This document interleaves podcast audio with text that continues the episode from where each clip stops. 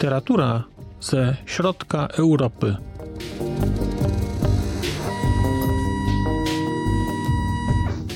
Podcast około książkowy.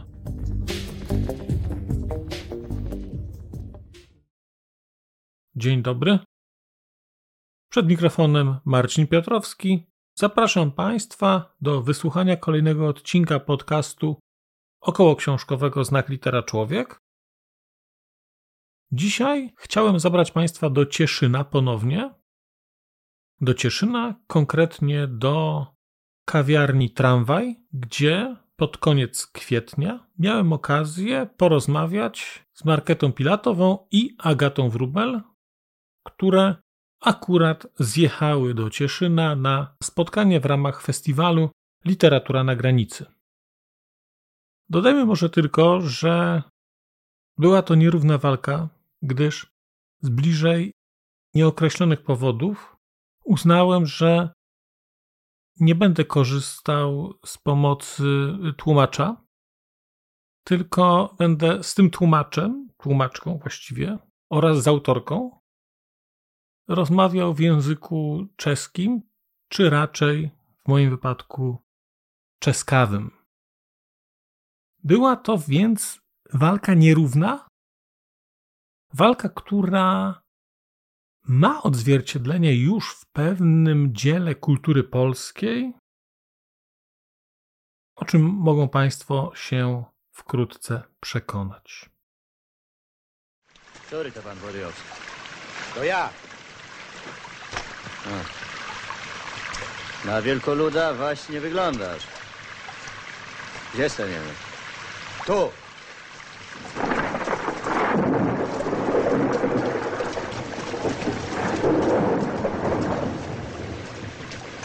Gola. Żal mi was pana, bo o tobie słyszę jako o sławnym żołnierzu. Dlatego po raz ostatni mówię ci. Zaniechaj mnie. Wstawaj. Chciałeś.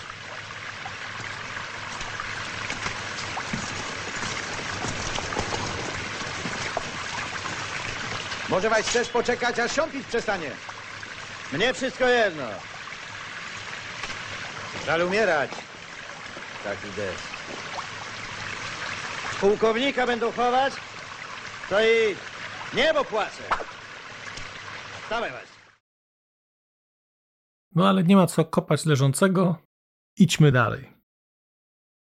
Spotkałem się z Marketą Pilatową, autorką, nauczycielką, tłumaczką, dziennikarką, osobą, która jest osobą naprawdę wielu profesji, oraz z Agatą Wrubel, młodą polską tłumaczką z języka czeskiego.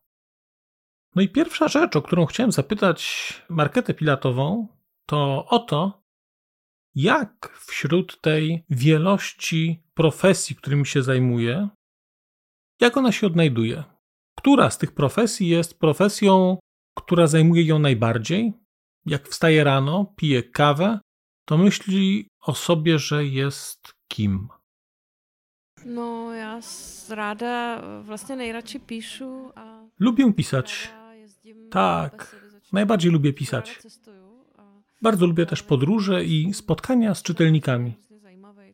Pewnie po części dlatego, że po prostu bardzo lubię podróże. No i czytelnicy są dla mnie też bardzo interesujący. Więc lubię pisać i podróżować z książkami. W którymś momencie młody, początkujący dziennikarz, dobiegający, no już dobiegający wieku emerytalnego, zadaje w końcu to fundamentalne pytanie, jak zostaje się pisarzem. No i to pytanie zadałem też Markecie Pilatowej. Zapytałem, kiedy był ten moment, kiedy zdecydowała się, żeby zostać pisarką, że poczuła ten moment, żeby zacząć pisać. No, eh, když mi někdo řekl, ať napíšu o něčem... To była taka chwila, kiedy ktoś powiedział mi: Napiszę ci książkę. To był ten moment. pierwszy moment, kiedy powiedziałam sobie, że mogłabym jednak spróbować. A mówiła mi to pani Dolores Batia, wnuczka Jana Antonina Bati, która wcześniej czytała niektóre moje artykuły i mówiła, że powinnam napisać książkę. A dlatego, że ma w sobie ogromne pokłady czegoś, co można nazwać batiowskim optymizmem, to zapewniała mnie, że będzie to książka bardzo udana i że stanie się bestsellerem. Było to jakieś 20 lat temu. Więc tak naprawdę ten impuls do pisania przyszedł do mnie z zewnątrz.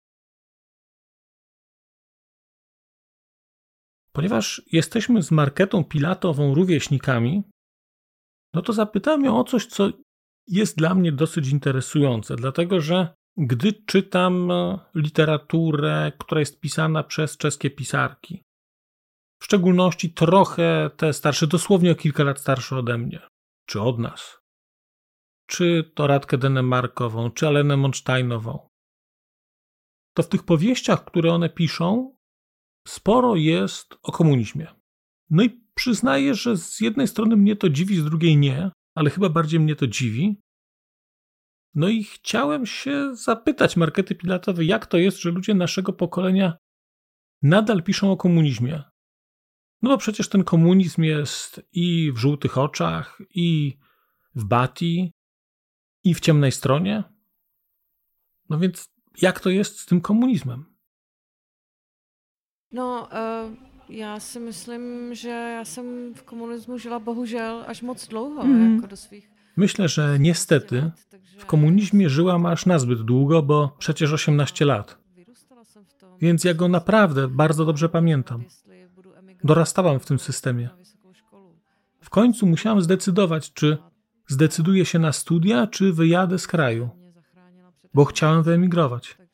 Więc ta rewolucja, ta zmiana uchroniła mnie przed emigracją. Nie myślę więc, żebym jakkolwiek musiała poszukiwać materiałów czy źródeł na tematy komunizmu, bo ja ten czas bardzo dobrze pamiętam.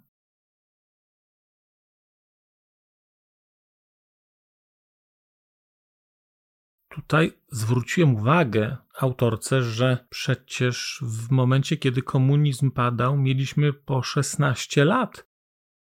Byłem ciekaw, czy już w tym wieku autorka miała refleksję na temat emigracji, bo wydaje mi się, że to bardzo młody wiek jak na takie radykalne decyzje. No i okazała się rzecz bardzo ciekawa, bo okazało się, że mamy trochę różne pamięci, różne pamięci czasów, różne pamięci wieku i mimo, że te same wydarzenia mają bardzo konkretne daty, to pamiętamy je bardzo różnie. Bo posłuchajcie Państwo, co na ten temat miała do powiedzenia Marketa Pilatowa. We trzecim roczniku na gimnazjum, aha, tak? Aha. Wiem, Byłem chyba w okolicach trzeciej klasy gimnazjum, kiedy upadła żelazna kurtyna. Miałam wtedy 17 lat i ciągle byliśmy pytani, co będziecie robić później. Więc jak człowiek miał te 16 czy 17 lat, to trochę siłą rzeczy myślał o tym, co chce w życiu robić. Ciągle się go o to ktoś pyta. A ja wciąż myślałam o jednym. W jaki sposób z tej dyktatury będę mogła uciec? W tym czasie to był mój życiowy cel.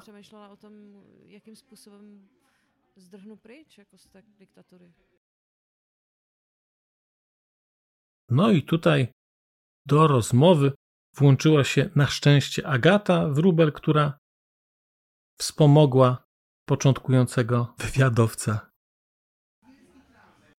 No je proto pro mě jako, že, že skaču do řeči, ale jako zdá se mi, že ten komunizm... Jeśli pozwolicie, to dołożę nieco od siebie.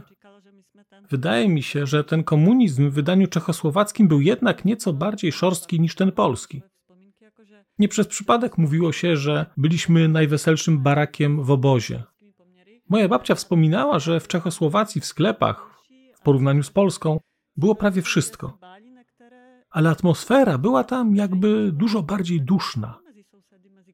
Część ludzi zwyczajnie bała się publicznie mówić o pewnych tematach. A w Polsce zwyczajnie się o nich mówiło i to nie tylko pomiędzy przyjaciółmi czy znajomymi, ale nawet w obecności członków partii.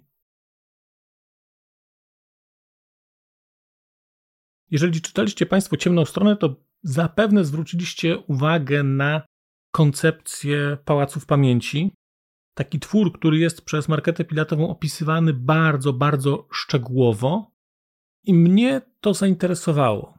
To znaczy, zainteresowało mnie, skąd u markety pilatowej taka wiedza na temat tej techniki.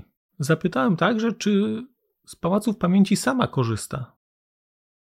Jo, občas jo, protože já vlastně učím dlouhá léta jazyky. Tak, zdecydowanie tak. Powód jest bardzo prosty. Od dawna pracuję jako nauczycielka języka.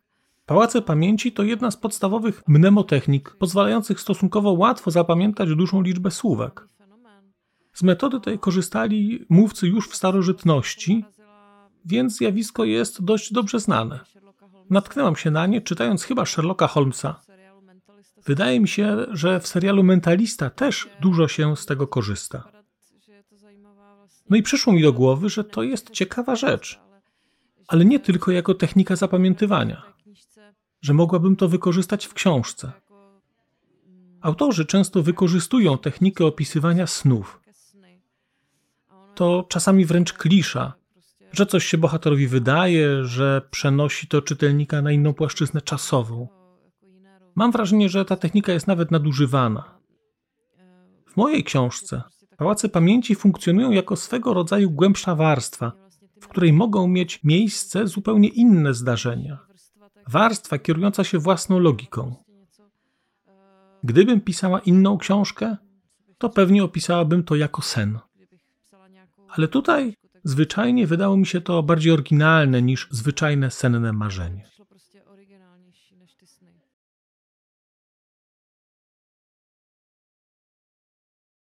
Polski przekład tytułu to ciemna strona, a słowa takiego jak sensibil chyba w języku polskim nie ma. Co to znaczy w języku czeskim?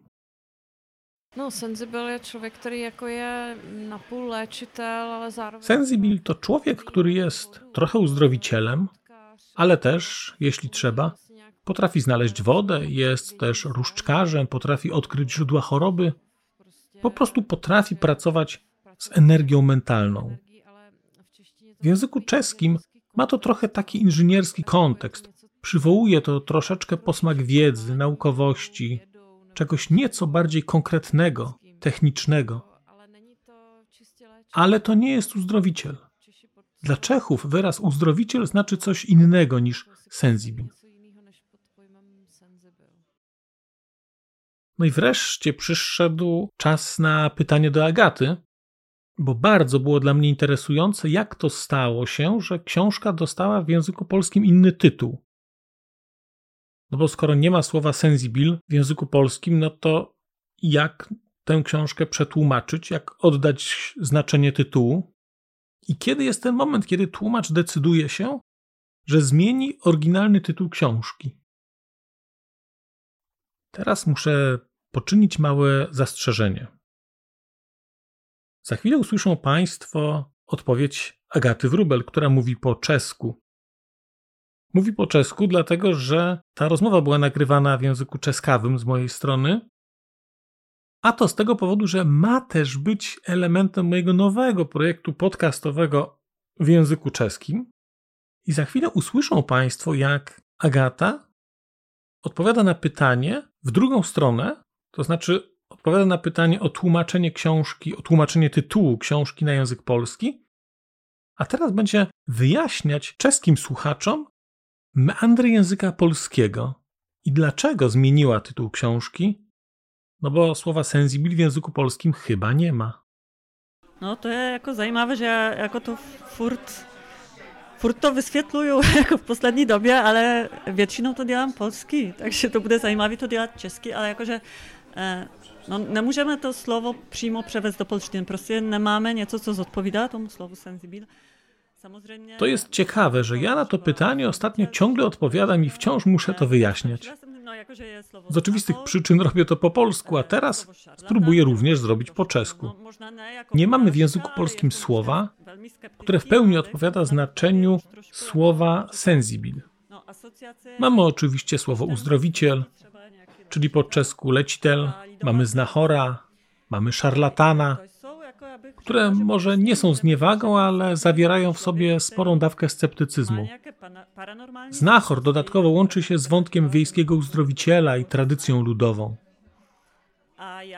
Gdybyśmy patrzyli opisowo, to Sensibil to człowiek, który ma jakieś zdolności paranormalne i, jak mówiła przed chwilą Marketa, mogą być one bardzo różne.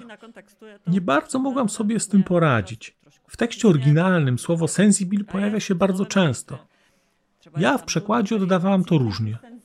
Istotne jest to, że Marketa tym słowem trochę się bawi.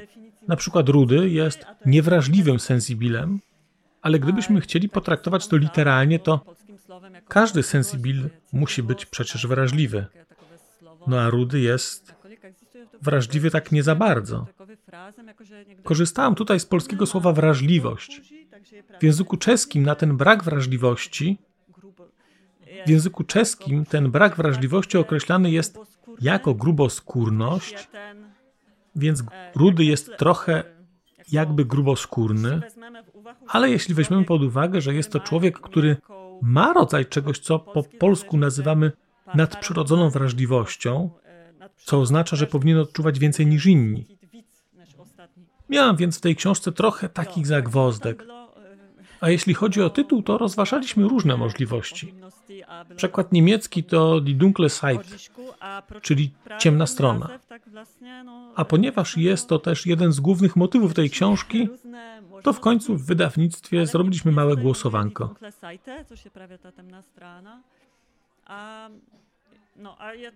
Mimo, że nie zabrzmi to dobrze, że w tym przypadku zwyciężyła ciemna strona, to jednak tak było. Ironia losu, prawda?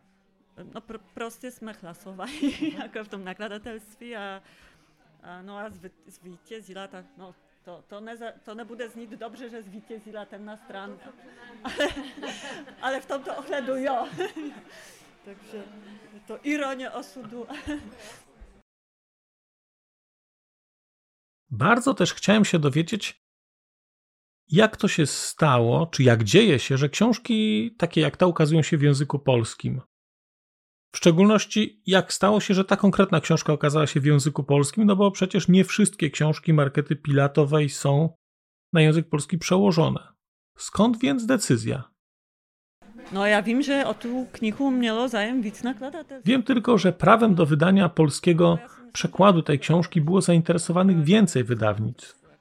I myślę, że bardzo dobrze, że ciemną stronę wydała właśnie afera, która się w czeskiej literaturze specjalizuje a której redaktorka naczelna jest i bohemistką, i tłumaczką.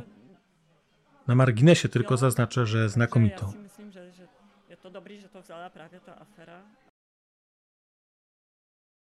No tak, tak. Ale zawsze było coś na początku przecież. No jakaś informacja o takiej książce musi trafić do wydawnictwa. Co było na początku? Kto pierwszy wpadł na pomysł wydania tej książki w języku polskim? Czy to może ty się przeczytałaś i napisałaś do wydawnictwa, że jest taka książka i że warto ją wydać? No ja si pamatuju, ne, jako marketa mi popsala, a ja aż teď se mi przeczytałam. Pamiętam tylko, że to był niesamowity zbieg okoliczności. Wiedziałam o tej książce od markety, która mi o niej napisała. Nie miałam jeszcze PDF-a, chyba nie było jeszcze e-booka. I prawie w tym samym czasie napisała do mnie Julia Różewicz, że ma taką książkę. Marketa nie wiedziała jeszcze, kto tę książkę w Polsce wyda, więc tak naprawdę to ta książka przyszła do mnie z dwóch stron. Myślę jednak, że była to inicjatywa Julii Różewicz. Ale być może było i tak, że o tej książce ktoś jej szepnął coś z tej czeskiej, jasnej, by nie powiedzieć świetlistej strony.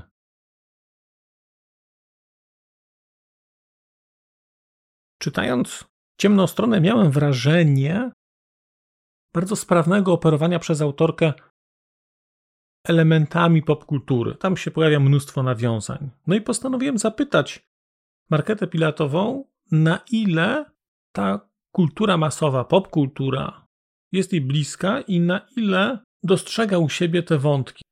Czy to zna, czy w ogóle czyta takie książki? Ano, jo, ja czytam wszystko. Ja czytam kucharzki, e, fantasy. O, czytam dużo i czytam wszystko.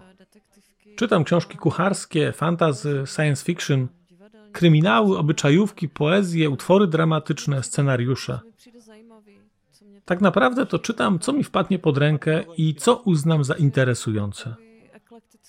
Jestem więc człowiekiem eklektycznym. Jestem też eklektyczną czytelniczką.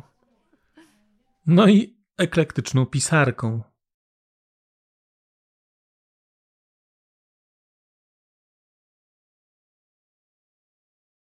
A jak wygląda życie pisarza? No bo pisanie to jedno, ale kiedy patrzyłem na to tournée marketingowe, którego ostatnim elementem była wizyta w Cieszynie, no to tak patrzyłem i to widziałem tydzień spotkań z czytelnikami w różnych ośrodkach, w różnych miejscach w Polsce. I chciałem się dowiedzieć, jak to jest, jak się jest pisarzem, gdzie ta energia uchodzi. Czy człowiek tylko pisze, czy jednak musi dbać o te kwestie marketingowe, o kwestie tej popularności. No i chciałem też dowiedzieć się, czy coś nowego Marketa Pilatowa już pisze. No, to tak patří k té uh, profesi a já to že je to krásné. Podróżowanie przynależy trochę do tego zawodu. To, że ktoś zaprasza cię gdzieś z książką, uważam za piękne. práce. Lubię to i sprawia mi to ogromną przyjemność. Traktuję to też jako część mojej pracy. Niedawno spędziłam trzy tygodnie w czymś w rodzaju domu pracy twórczej, gdzie pisałam. Teraz przez tydzień jeżdżę na spotkania z czytelnikami, zaraz wracam do domu na tydzień, żeby trochę popisać, a później znowu wyjeżdżam na dwa tygodnie do Chorwacji. Zawsze jest to coś nowego, a mnie to zawsze inspiruje. I nawet jeśli te podróże są nieco męczące, to pod koniec mam wrażenie, że w ich trakcie zaczerpnęłam mnóstwo inspiracji i tematów do pisania. Mám pocit, jsem na cestách načerpala spoustu jako věcí na psaní. W tej chwili mamy w Polsce trzy książki markety Pilatowej przetłumaczone. No i najbardziej oczywistym wydaje się chyba pytanie o to, od której książki, zdaniem autorki, należy zacząć. Ewentualnie, jeżeli by mieć jedną książkę tylko do przeczytania, to która to książka powinna być? No i tu odpowiedź była bardzo prosta. Asi žluté oči vedou domů.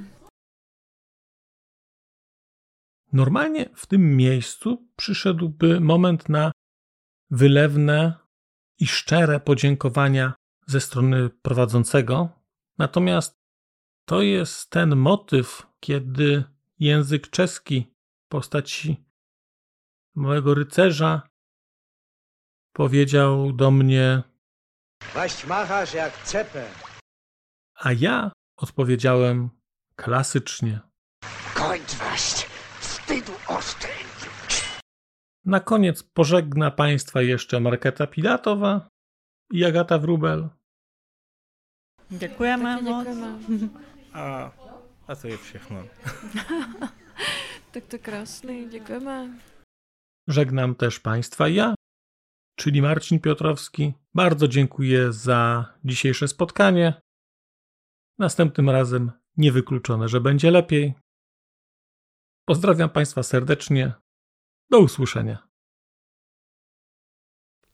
A już zupełnie na koniec powiem, że skoro wysłuchaliście Państwo tego odcinka, to w jego opisie znajdziecie link do serwisu YouTube. W wersji YouTube'owej jest miejsce na skomentowanie go. To jest takie miejsce, gdzie można komentować ten odcinek, rozmawiać, zadawać pytania, wymieniać się spostrzeżeniami, do czego Państwa bardzo zachęcam, gdyż udało się już na tym YouTubie zgromadzić trochę bardzo ciekawych osób, bardzo ciekawych komentarzy i trochę stworzyć taką społeczność ludzi rozmawiających o książkach.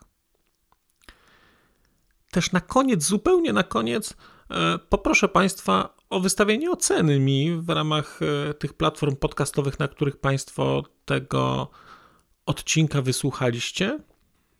I nieważne jaka ta ocena będzie, istotne dla mnie po prostu, że będzie. Tymczasem się żegnam już naprawdę i do usłyszenia za czas jakiś.